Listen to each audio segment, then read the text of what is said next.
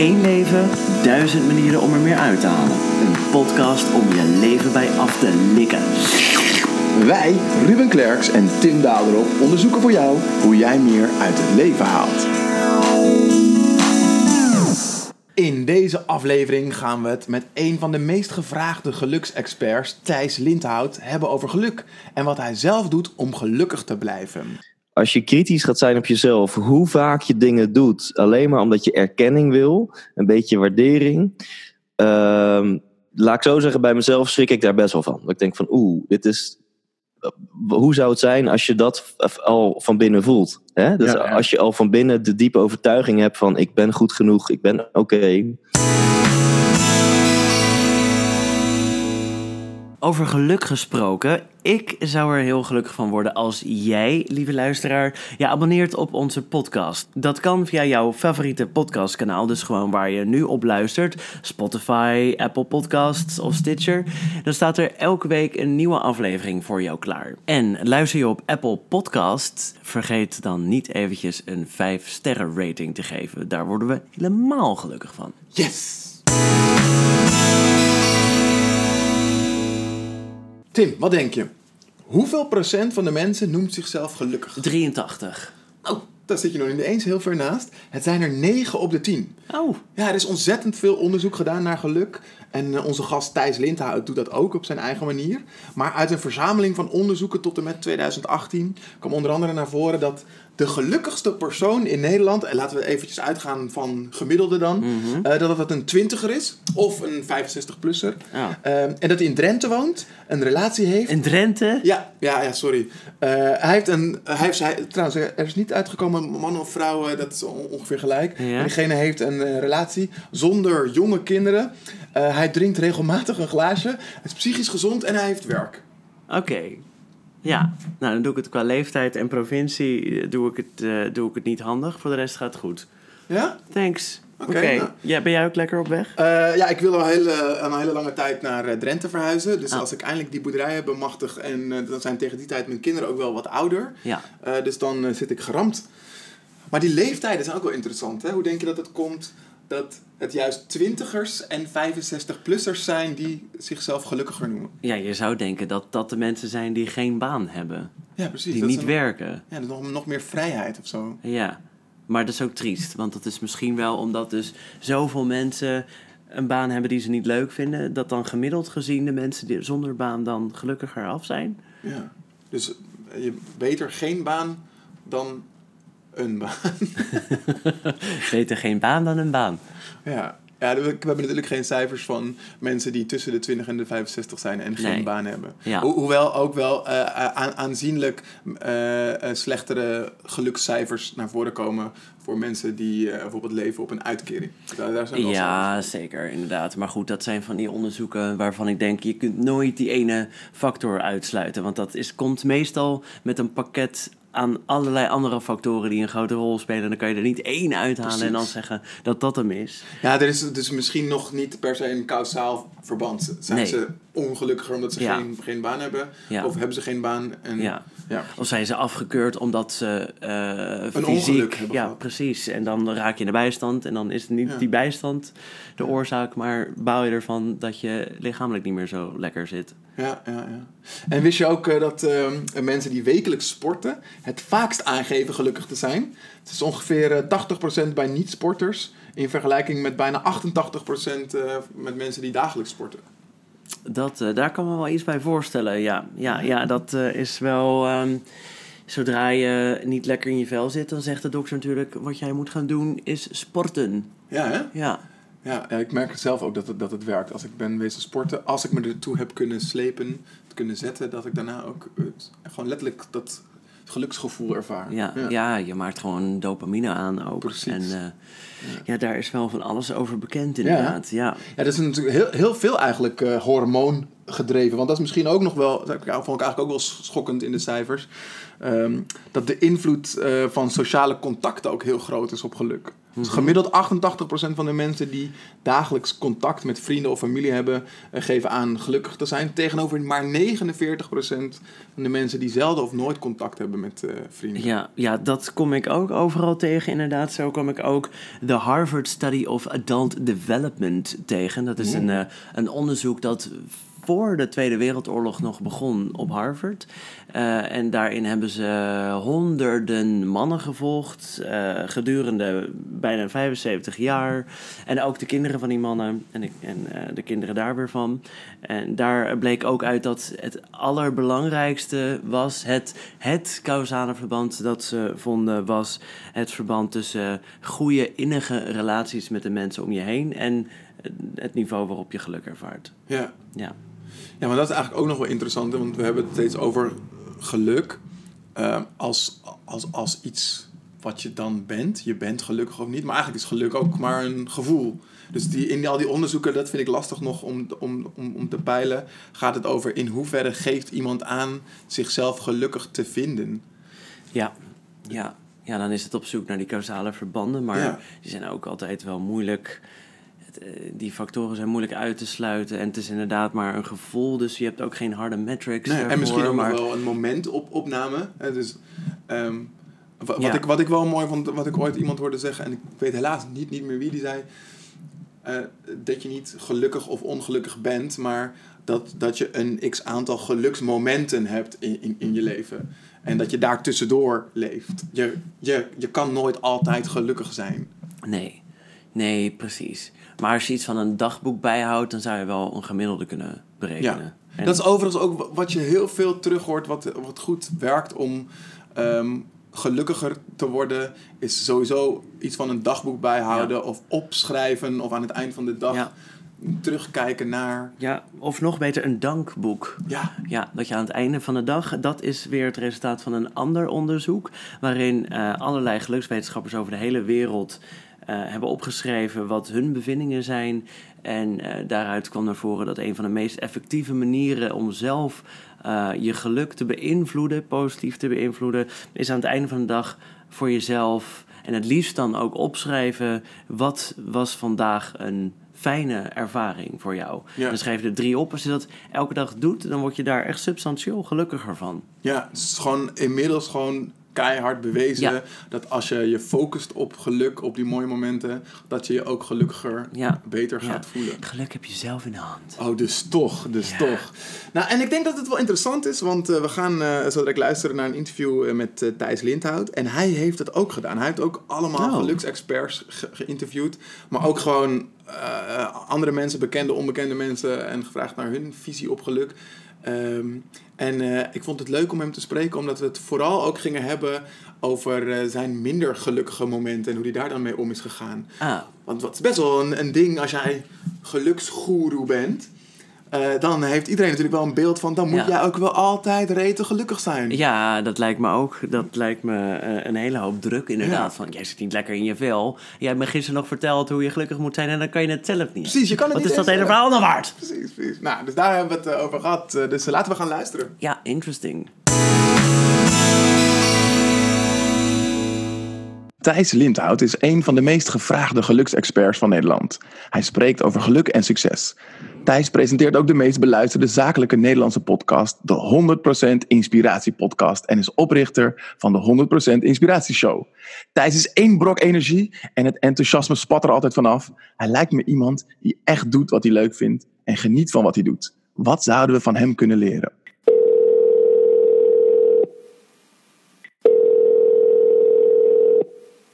Hi, met Thijs. Hey Thijs, super Hey, gaaf Ruben. dat je wilt meewerken aan eh, de Lifestyle Design podcast. Uiteraard, eh, je kwam met zo'n verleidelijk aanbod. Ik denk, daar kan ik alleen maar ja op zeggen. Wat cool. Hey, waar komt eh, al die energie bij jou eigenlijk vandaan? Ehm, ja, vanuit doen wat je leuk vindt. Eh, en ik denk dat ik daar ook wel nuance moet aanbrengen. Want het, het, het plaatje is nooit zo perfect als het lijkt. Hè? Als je mij op Instagram volgt, of al helemaal als je mij op het podium ziet, dan denk je van wow, die gast is één brok energie. Als je hem in je huis hebt, dan is het altijd feest. Ja. Terwijl, ehm, ja, ik heb natuurlijk ook echt wel momenten dat ik eh, moe ben of eh, van een drukke dag gewoon lekker op de bank hang en dat er niet heel veel eh, uit me komt. Ehm, maar waar komt die energie vandaan? Dat is wel echt door dingen te doen die ik leuk vind. Ehm, bijvoorbeeld, afgelopen twee dagen ben ik op kantoor geweest. Eh, dat waren eigenlijk mijn eerste twee kantoordagen sinds een week of zes. Vanwege mijn tour en, en veel op het podium geweest.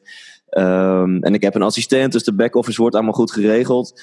Maar er blijven toch wat dingen liggen. Ehm, en dan ja, ben ik twee dagen op kantoor geweest en dat is nodig. En, en ik heb alles weer weggewerkt en dat geeft ook wel voldoening. Maar ik ben ook helemaal leeg. Ja. Uh, dus mijn hele lichaam geeft aan, dit, dit, is niet waar jij voor gemaakt bent. Weet je, je kan dit, maar dit is niet je zone of genius. Ja, en, uh, en andersom, als ik uh, op een podium sta, ehm, na, na twee uur, dan, dan stuiter ik nog na. En dan kan ik nog wel een paar shows erachteraan plakken, bij wijze van spreken. En wat is, het, wat, wat is het wat daar zoveel energie uh, aan geeft? Ja, dat zou ik voor je onder woorden proberen te brengen. Het, is het, het, beste antwoord is natuurlijk dat is een gevoel. Ik denk dat we allemaal voelen wanneer je gewoon iets doet waarbij het vanzelf gaat. Hè? Dat je in plaats van dat je denkt, ah shit, ik, ik moet straks dat mailtje doen of ik moet straks die activiteit in, heb je ook activiteiten waarbij je denkt, ah oh, yes, ik ga straks, hmm. nou, wat is dat ook voor jou? Ik ga straks lekker uh, een taart bakken. Of ik ga straks eventjes photoshoppen. Of ik ga straks wat het ook is. En um, ja, ik denk dat eigenlijk het beste antwoord is. Dan, dan voel je bij jezelf gewoon de, energie bruisen. En, en tijd gaat vanzelf. Uh, en je hebt na die activiteit meer energie dan daarvoor. En je wil eigenlijk niet stoppen.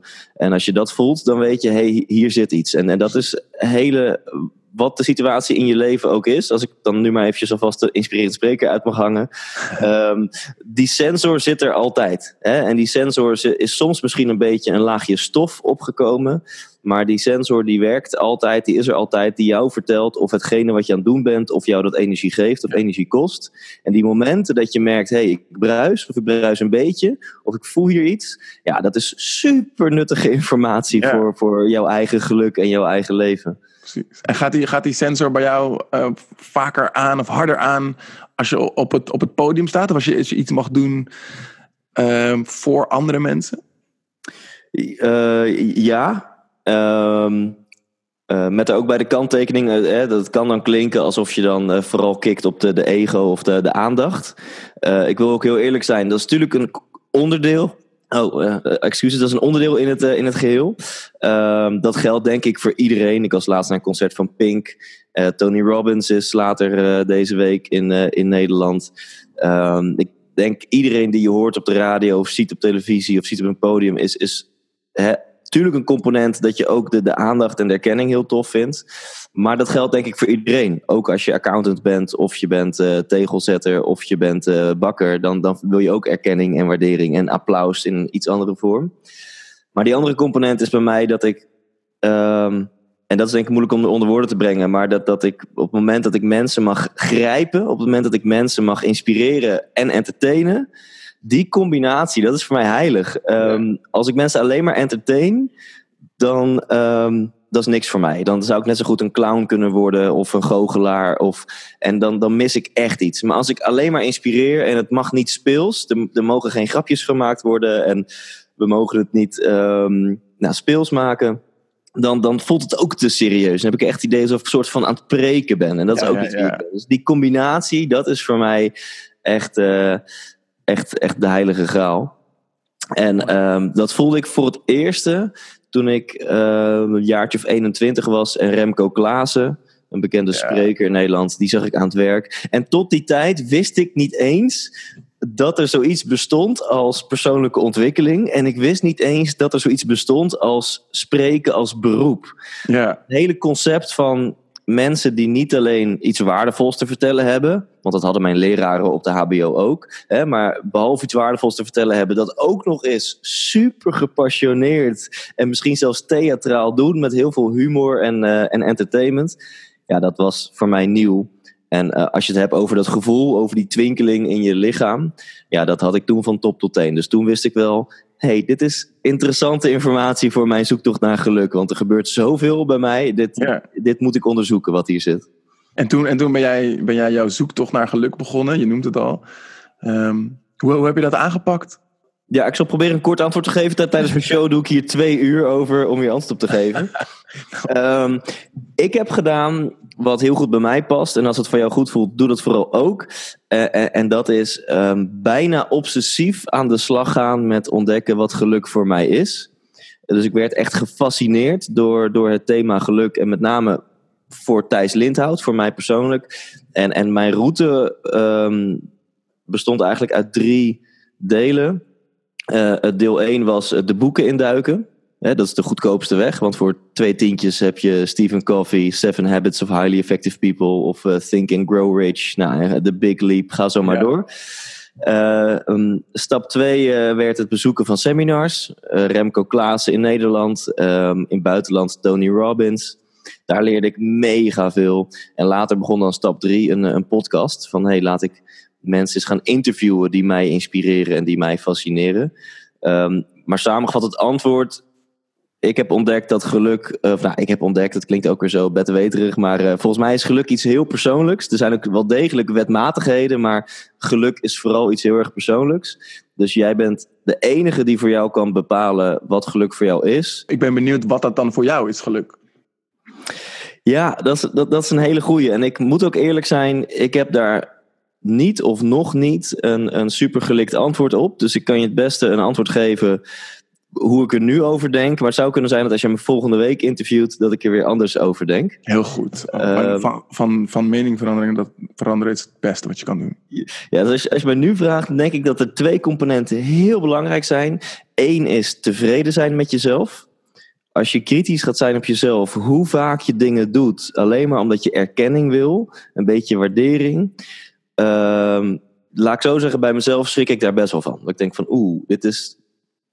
Hoe zou het zijn als je dat al van binnen voelt? Hè? Dus ja, ja. als je al van binnen de diepe overtuiging hebt van ik ben goed genoeg, ik ben oké. Okay, en, en alles wat ik doe is, is bonus, is extra.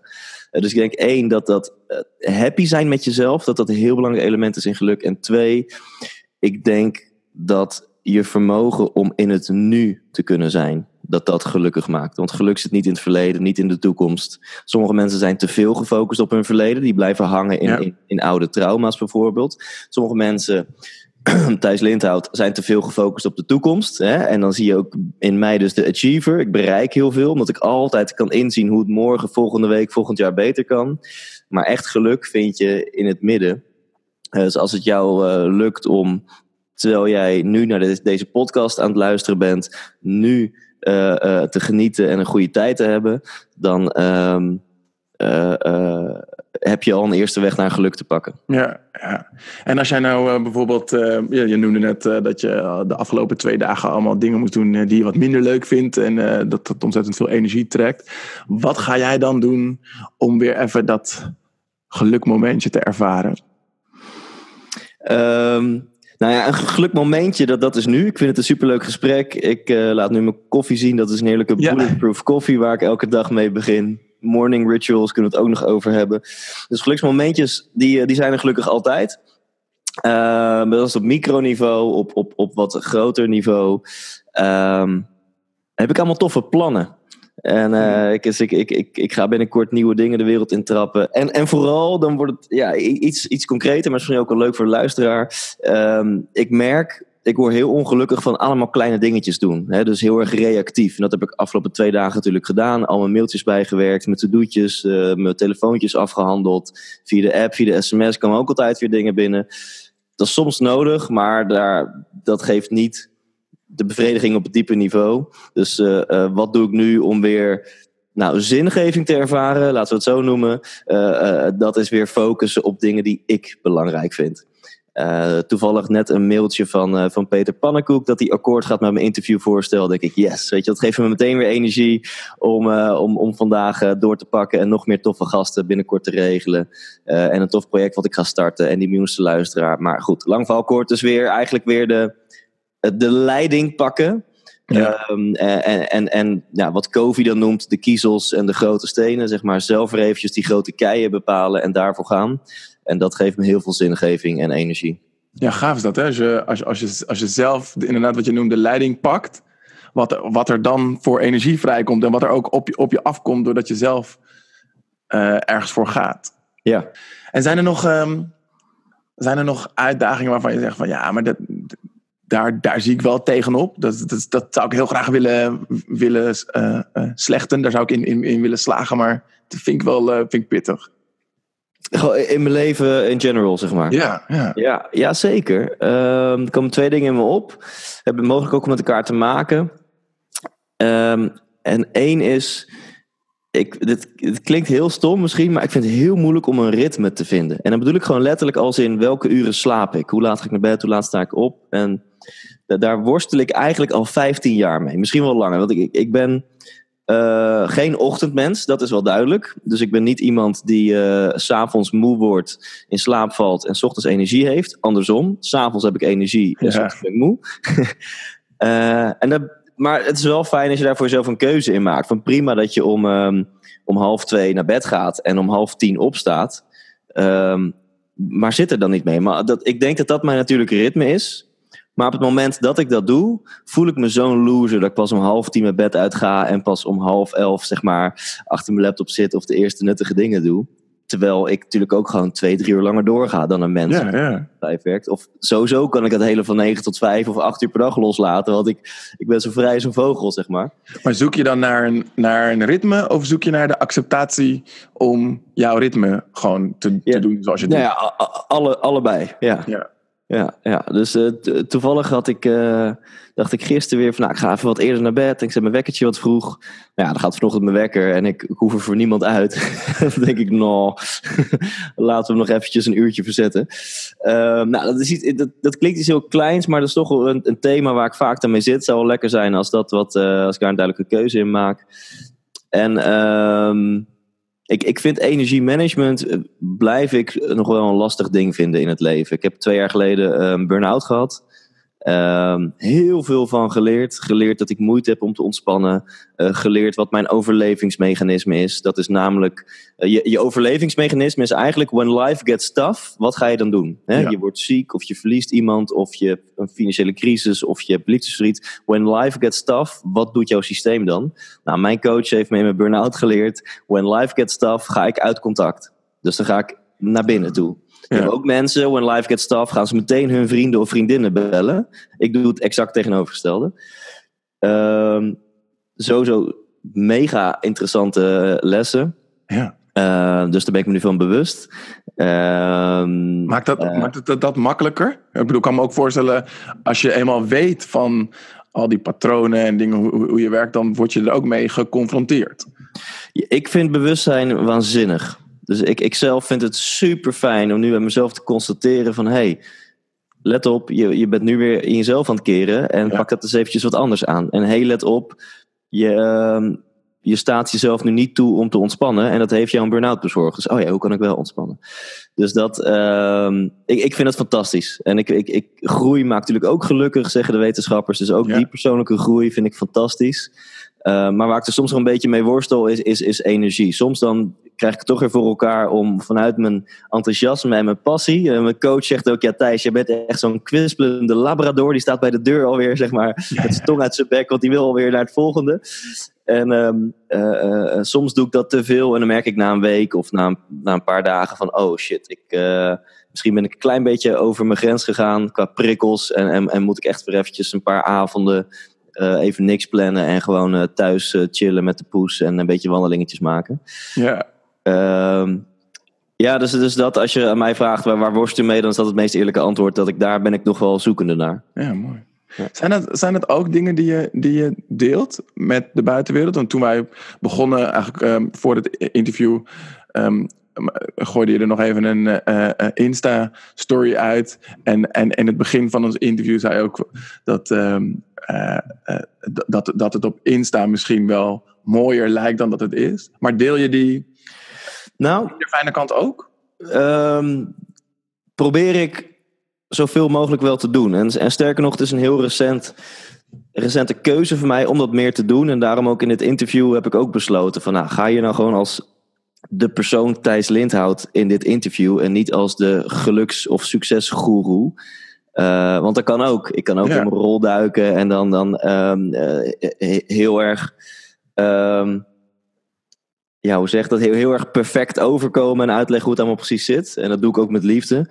Maar ik denk van, nou, misschien is het leuker om meer van jezelf te laten zien. En wat ik heb losgelaten is dat ik als geluksexpert uh, zelf altijd elke dag super gelukkig moet zijn. Ja, ja. Holy fuck, wat was dat een opluchting, hè? Dat ik dacht, ja, kijk, mijn beroep is natuurlijk de, de, de, het ei van Columbus kraken als het gaat om geluk. Ja. En daar ben ik natuurlijk zelf um, het grootste praktijkvoorbeeld van. Dus ik had heel lang in mijn hoofd zo'n stemmetje van ja, als jij zelf niet gelukkig bent, kan jij jezelf dan wel. Uh, of, of laat ik zo zeggen, als jij jezelf niet op elk moment gelukkig voelt, want dat is natuurlijk weer wat anders. Um, ik ben wel gelukkig, maar ik voel me niet altijd gelukkig, want dat, dat is het leven namelijk. En ik heb heel lang een stemmetje gehad dat zei: ja, als jij jezelf niet altijd gelukkig voelt, kan jij jezelf dan wel serieus nemen als keynote speaker over geluk en als host van een inspiratieshow? Ja. Um, uh, en dat heb ik, uh, heb ik losgelaten. Uh, en ik wil het eigenlijk nog veel meer doen. Want nou, ik loop weer heel lang, sorry ervoor. Maar de, de, de angst die natuurlijk achter zit is als ik op mijn Insta-stories een keertje zet dat ik, um, I don't know, uh, uh, uh, moe ben en op de bank zit en, en me een beetje eenzaam voel, dan vindt iedereen mij ineens een oplichter, want dan nemen ze Ja. me niet meer serieus als expert. Terwijl dat ehm, niet het geval is. Dus ik Nee, eh, nee, he- helemaal niet. veel meer delen over mijn persoonlijke journey. Ik ben, ik ben blij dat je dat, dat je dat doet. Ik vind dat het daardoor een ehm, realistischere, realistischere kijk geeft eh, op, op, op wat je doet. En ook, juist, denk ik ook juist als geluksexpert wil, wil je ook laten zien dat je om kan gaan met eh, de mindere momenten in het leven. Want die maakt Yes. iedereen mee. Ja, ja. Het leven is helaas geen aaneenschakeling van eh, happy moments. Nee. Krijg- heb je dat ook wel eens meegemaakt? Dat ehm, eh, eh, mensen dan eigenlijk jou verwijten dat jij alles maar goed voor elkaar hebt en dat je makkelijk praten hebt. eh. Ja, ik, ik, ik hoor wel eens dingen in de richting van het gaat jou wel voor de wind. En dan ehm, denk ik, tuurlijk, ik ben in Nederland geboren, ik ben gezond. Ehm, nou, sommige mensen kunnen ook nog eens zeggen, je bent blank en je bent een man, eh, also, eh, dat dat misschien ook allemaal meehelpt. Eh, ik heb natuurlijk een goed stel hersens. Ehm, maar dat geldt gelukkig, zeker hier in Nederland, voor, voor, eh, voor heel veel mensen, al die, eh, al die gelukjes. Ehm, en als je denkt van wow, ineens is die gast daar en heeft hij een inspiratieshow en volle zalen. Nou, dan wil ik je wel meenemen naar de afgelopen tien jaar van mijn leven. Want daar heb ik gewoon tien jaar lang elke dag keihard aan gewerkt. Met eh, ups, maar ook heel veel downs. Zijn, er, zi- zijn er daarin momenten geweest dat je dacht, ja, fuck it allemaal maar. Dit, dit- Ja, een mooie uitspraak van Tony Robbins vind ik. Die, die zei een keer van als ik. Hij zei bij heel veel dingen die ik bereikt heb in mijn leven. Als ik van tevoren had geweten wat ik er allemaal voor moest doen en voor moest laten. En door hoeveel hoepels ik moest springen om dit te gaan bereiken. Was ik never nooit begonnen. en dat geldt denk ik ook wel voor, mij. Ehm, sterker nog, mijn inspiratieshow, dus mijn theatershow, eh, dames en heren, dit najaar weer in de theaters. Thijslindhout.nl voor tickets. Eh, de- Dit is een commercial break. ja, precies. Eh, dat is mijn, eh, eh, waar, waar echt mijn, mijn passie ligt. Ehm, en die show, ik heb echt momenten gehad dat ik dacht, wie hou ik voor de gek man? Is die show wel goed? Eh, is dit wel theaterwaardig? Ja. Ehm, en is het wel inspirerend? Is het wel grappig? Zit er wel, en, nou, dus ik heel veel momenten gehad dat ik echt dacht van... Weet je, wie gaat nou een drumstel op het podium neerzetten? Ik bedoel, mensen, vinden het, mensen houden van muziek. Een piano, dat snappen mensen. Kan je meezingen, maar... Je bent knettergek, Thijs. Wie, wie gaat nou kijken naar een drummer op het podium? Weet je wel, jij bent drummer, maar de, maar de gemiddelde mens is geen drummer. Nou, Ja. En zo kan ik er al van doorgaan. Dus tuurlijk, er zijn heel veel momenten dat, dat, eh, dat ik me afvroeg van... eh, ja, ja, eh, is dit wel goed? En, en mo- moet ik niet gewoon handdoek in de ring gooien? Ja, ja. ja en ook te- tegelijkertijd dat drumstel ook weer een voorbeeld van dat jij dat gewoon leuk vindt en dat jij dat wil doen. En ja, dat, dat niemand dat daarvoor heeft gedaan, betekent niet dat jij het niet kan doen. Ja, ja, exactly. Ja. Tof. En eh, ja, we, we, we hebben het dan eh, samen over dingen doen die je leuk vindt. Ik kom ook best wel eens mensen tegen die eh, dan heel, heel zuur kunnen zeggen: Ja, maar eh, het leven hoeft toch niet altijd een lolletje te zijn. eh, of, eh, of als het bijvoorbeeld gaat over, over werk, hoor ik daar heel vaak mensen over van ja, maar eh, werk moet toch helemaal niet leuk zijn. Je moet gewoon je werk doen. Hoe ga jij om met, met, met mensen die zo erin staan? Nou, allereerst ehm, maken die mensen een grote denkfout. Hè? Want kijk, in een week zit 168 uur. En je kan zeggen, daar werk ik er maar 40 van. Dus heb ik nog eh, 128 uur over. Maar als je gewoon even een gemiddelde door de weekse dag pakt, van die 24 uur, je slaapt er 8. Nou, dan blijft er nog 16 over. Dan ben je minimaal twee uur bezig met persoonlijke hygiëne, opstaan, naar bed gaan, dat soort dingen. Dan ga je nog boodschappen doen, koken, eten, opeten. Dan heb je nog eh, eh, reistijd. Nou, als je alles ervan afpelt, dan zit er ongeveer 10 uur in een dag die je echt kan besteden. Waarvan je dus 8 uur aan het werk bent. Ja, Eh, dus als je je werk niet leuk vindt, dan heb je niet die andere 16 uur over om leuke dingen te doen. Nee, na alle, al het noodzakelijk kwaad in het leven en slapen heb je dan nog maar twee uurtjes per dag waarin je misschien iets leuks kan gaan doen. Nou, en een beetje dan in het weekend. Dus die mensen maken volgens mij een denkfout. Eh, je werk is een te groot onderdeel om dat niet eh, leuk te vinden. En hoe ga ik daarmee om? Eh, ik heb wel geleerd, ik, ik, ik ben gestopt met de illusie dat ik mensen kan veranderen. Mhm. Ehm, tenzij ze dat willen. Hè, als mensen gecoacht willen worden, staan ze open voor verandering. Maar als, als iemand met zo'n zure opmerking of overtuiging komt, dan ehm, zou ik er vroeger vuistdiep ingaan. En nu heb ik geleerd, weet je, eh, het, is zonde van mijn energie als ik je met eh, allemaal eh, argumenten probeer te veranderen. Want dat ga je toch niet doen. Ja, ja ah, op die manier. Is, dat een heel oninspirerend antwoord? Oh, reageerde ik on, eh, ongeïnspireerd? Ehm, nee, nee, eh, nee, het is eigenlijk heel, heel erg logisch ook. Ja, eh, en het is iets wat ik ook herken. Dat, dat, we heel vaak in die overtuigstand gaan, omdat je graag wil dat iemand anders Ja. dat ook voelt en ook ervaart dat het, dat, dat het wel een groot goed is dat je het naar je zin hebt, eh, dat je je in je werk en dat je dat leuk vindt. Maar ja, als zij het echt niet willen, of als zij het echt niet willen zien, ja, dan voor, voor wie ben je dan zo hard aan, aan het werk? Ja, precies. En, maar ik denk als, dat moment. Ja, en als we wat verder uitzoomen, iedereen maakt het wel mee. En hoe meer je eh, doet waar jouw podcast ook over gaat, hè, hoe meer je kiest van hey, hoe richt ik mijn leven in, waar word ik gelukkig van, Eh, eh, hoe meer je dat doet, hoe vaker je mee zal maken in je omgeving, misschien zelfs familieleden, op feestjes en partijen. eh, dat mensen weerstand gaan bieden. Of dat mensen niet helemaal snappen wat je doet. Of dat Ja. mensen. een- dan hebben ze je laatste Instagram-post gezien. En dan willen ze daar wel hun mening eventjes over laten horen. Ehm, en dan is de tip die hieraan vastzit. ehm, ik zou dan niet te veel energie steken om die mensen te gaan overtuigen. Dan zou ik de, je eigen maatstaven aanhouden en heel blij zijn. En jezelf een dikke schouderklop geven van hé, hey, maar ik maak hele bewuste keuzes in mijn leven. Ik ben heel bewust bezig met mijn leven zo inrichten zodat het bij mij past. Dat ik lekker in mijn energie zit. Dat ik gelukkig ben en dat ik eh, een mooie bijdrage kan leveren aan deze wereld. Ja, en deze persoon die, eh, die snapt dat niet of die denkt er anders over. En dat is ook helemaal oké. maar ik ben happy met mezelf. Ja, precies. Maar hoe komt het, denk je, dat mensen ehm, op zo'n manier reageren? Op, eh, dus op het moment dat jij inderdaad je, leven in eigen hand neemt en, en, en, en eigenlijk keuzes maakt voor jezelf of andere keuzes maakt, dat dan mensen om je heen daar zo op reageren. Dus dat ze, dat ze dan dus die negativiteit uiten. Ja, ik, ik denk het wijze antwoord is dat kritiek is altijd een reflectie van iemands binnenwereld. Dus dus eh, iemand die heel kritisch is, die, die verklapt eigenlijk hele interessante dingen over, eh, over hoe iemand zelf denkt en waar iemand Ja. zelf mee worstelt. Eh, als je er zo naar kijkt, lucht het al op. Hè? Dan kun je ineens Ja. bijna medelijden met die persoon hebben. eh, in plaats van eh, dat je jezelf geraakt voelt.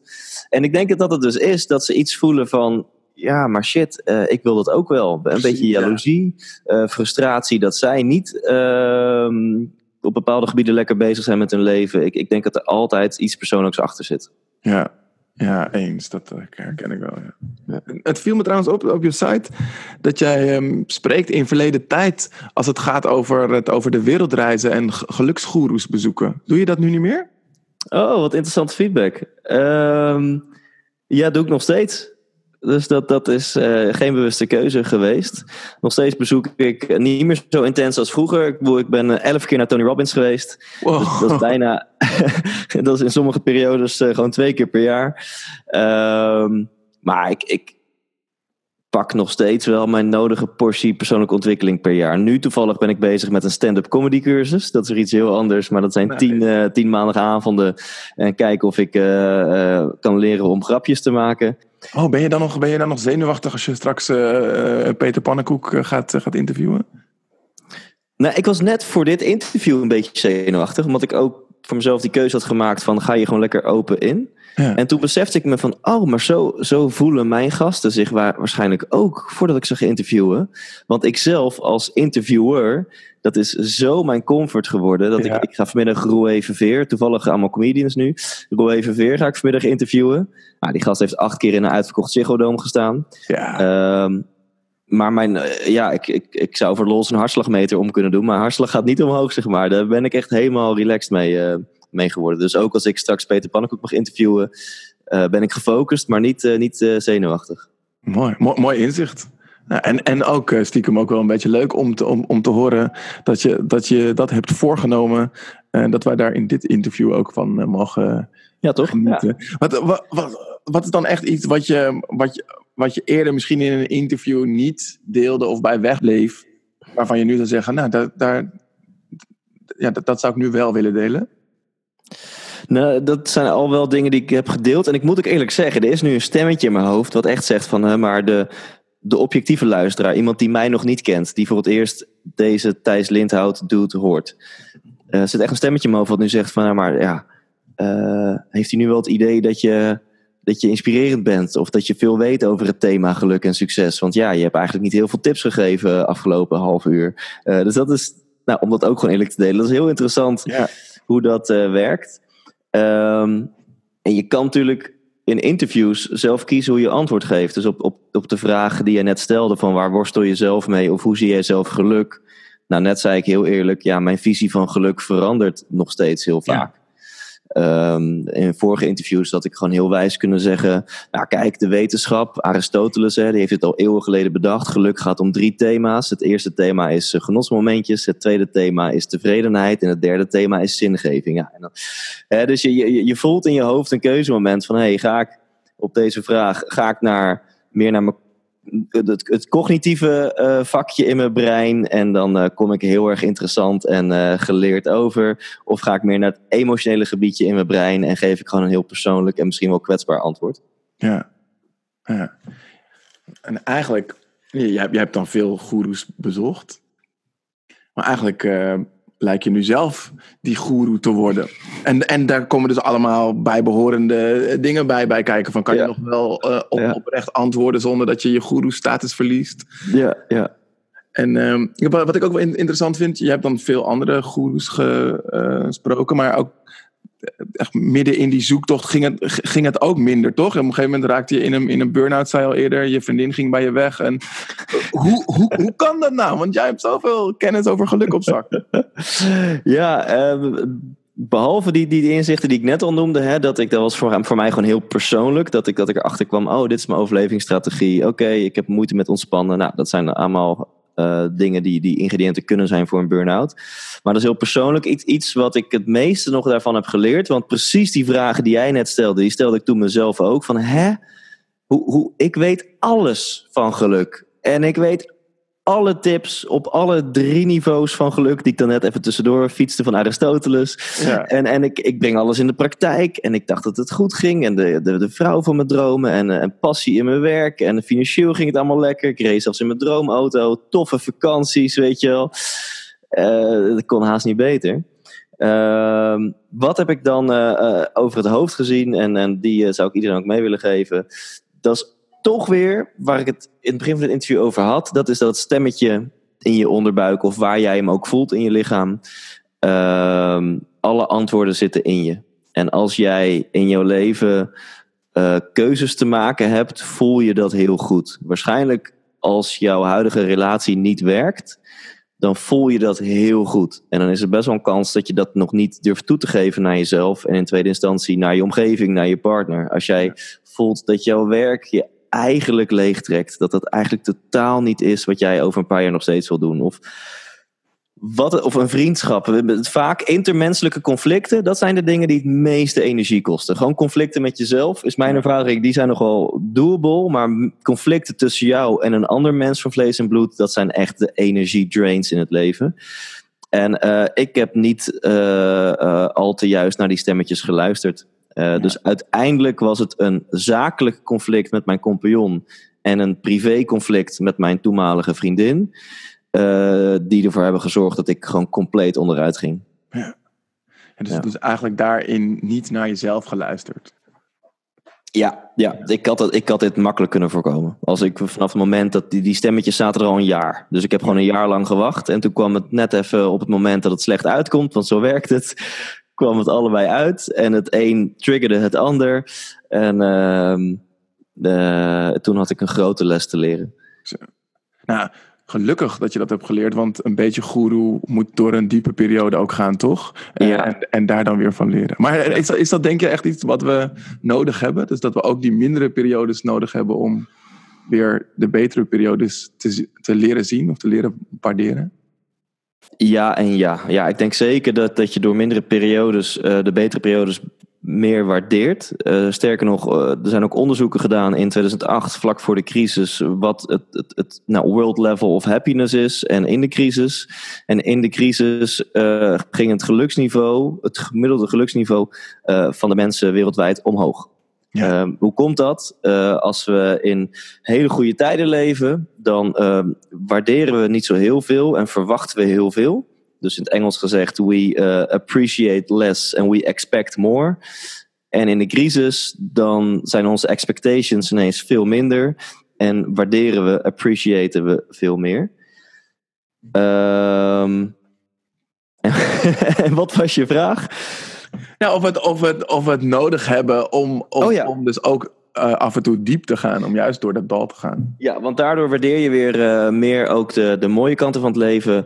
En ik denk dat ja, het, het hoort gewoon echt bij het leven. Dus als je, ongeacht je leeftijd, als je nog nooit echt crisis hebt meegemaakt, dan ehm, eh, ja, Dan, dan weet je dat hij nog een keer gaat komen. ja, dat, dat, dat sowieso. En dan, dan ben ik wel heel benieuwd. Laat ik zo zeggen, ik denk dat je eerste crisis, of dat nu liefdesverdriet is, of een burn-out, of het verlies van een dierbare, of, of iets medisch, of wat dan ook.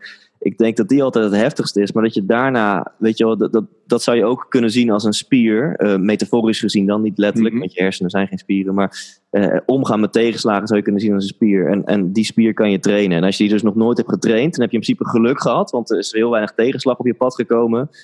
Maar de kans dat het dan een eh, tough cookie wordt op het moment dat die eerste tegenslag op je pad komt, die is wel heel groot. En, en andersom, als je al hele grote tegenslagen hebt meegemaakt, heb je hopelijk, waarschijnlijk al best wel die spier getraind. En kun je veel beter omgaan met kleine veranderingetjes en met kleine tegenslagen waar andere mensen misschien van ondersteboven raken. Ja. Stel nou hè, dat jij ehm, geen inspirator en publiek persoon eh, meer zou kunnen zijn. Wat zou je dan gaan doen? Ja, drummen. Ja? Gewoon fulltime Ga drummen. ik lekker drummen, ja. En is het dan drummen gewoon lekker voor jezelf rammen? Of eh, in, een, in, in, een, in een band eh, en... Als dat in jouw hypothetische context nog steeds mag, dan het liefste wel in een band en voor, eh, voor publiek. Nee, eigenlijk, nee, sorry, ik moet hem eigenlijk dan eventjes her- herpakken. Want ik zei natuurlijk dat je geen pub- publiek persoon meer zou, meer, zou- meer zou Ja. mogen. Dus, dus, Ja, dat, dan. ehm, dan eh, ehm, ja, ik weet niet hoe ik dan daarmee mijn geld kan verdienen. Want je mag het niet de wereld intrappen in, in dit eh gedachte-experiment. Maar ehm, het eerste me opkomt is, dan, dan kan ik eh, net zoveel, misschien wel net zoveel lol halen uit gewoon eh, lekker drummen hier thuis. en daar beter in worden als de lol die ik nu haal uit mijn rol als inspirator en publiek persoon. Ja. Mooi man. Dankjewel. Ik heb één laatste vraag. Ehm, en die vraag is: wie ehm, zouden we absoluut nog een keertje moeten interviewen als het gaat over het inrichten van je leven volgens jou? Ah. Ehm, nou, het eerste me opkomt, en dat is iemand waarvan ik weet dat hij nog nooit in een podcast of in een interview of wat dan ook is geweest. Dat is een, een, ehm, een, een oude vriend van me. Dus eh, ja, gewoon iemand uit mijn oude vriendengroep, inmiddels gewoon nog steeds een kennis van me. En eh, kijk maar of je het interessant vindt. Maar die, die denkt zo creatief na over de indeling van zijn leven. Dus die is met zijn vrouw, zijn ze een keer een jaar lang naar Australië geweest. Om daar eh, heel veel geld te verdienen en weer terug naar Nederland te gaan. Omdat ze ineens een huis konden aftikken. En daarna gingen ze met hun kind van drie maanden weer terug naar Australië. En dan kopen ze een bus en die bouwen ze eerst in drie weken om tot camper. En dan gaan ze vier weken toeren. En daarna kunnen ze die bus met winst verkopen, want een camper is veel meer waard dan een bus. En die hebben ze ook laatst certificaat. Ja, dus ze, ehm, ze zitten totaal niet in dit incestueuze wereldje van zelfhelp en podcasts en seminars en, en lifestyle en ondernemerstips. Maar ik vind het wel eh, mensen die eh, eh, ehm, heel mooi aangeven dat je gewoon dus niet hoeft mee te denken met het gebaande pad van de maatschappij, maar dat je dus gewoon zelf dat er gewoon zoveel life hacks zijn om jouw leven financieel en qua tijd, wat toch wel twee hele belangrijke pijlers zijn in deze wereld, eh, hoe hoe je dat met een creatieve mindset gewoon compleet anders in kan richten. En dat je je eigenlijk verbaast van wauw, waarom zoomt niemand uit zoals zij en denkt Ja. niemand eventjes op hoofdlijnen van hey, hoe kan ik het anders aanpakken dan de, de, hoe de maatschappij het zeg maar eh, heeft uitgestippeld voor ons. Gaaf. Klinkt Ja. inderdaad als iemand die we willen interviewen. nou, eh, en, en, maar ze hebben nog nooit aan een podcast of iets dergelijks meegewerkt. Nou, challenge accepted. Dus gaan we kijken of we dat eh, of, of, of, of we hen zover kunnen krijgen. Ja, cool, cool. Ik Eh, zal jullie wat kunnen linken. Ja, leuk, dankjewel. Maar voor nu ontzettend bedankt dat jij eh, mee wilde werken. En ehm, eh, ontzettend bedankt ook eh, voor de kwetsbare kant die je hebt laten zien. Ik ben, ik ben blij dat je dat doet. Cool. En, ik zou zeggen, ga er zeker mee door. Dat, dat vind, vind ik tof. Oké, thanks man. Dankjewel. Ciao. Cheers. Heb jij een idee voor een volgende aflevering? Wil je ons laten weten wat je van onze podcast vindt? Of wil je meer weten over de podcast en over ons?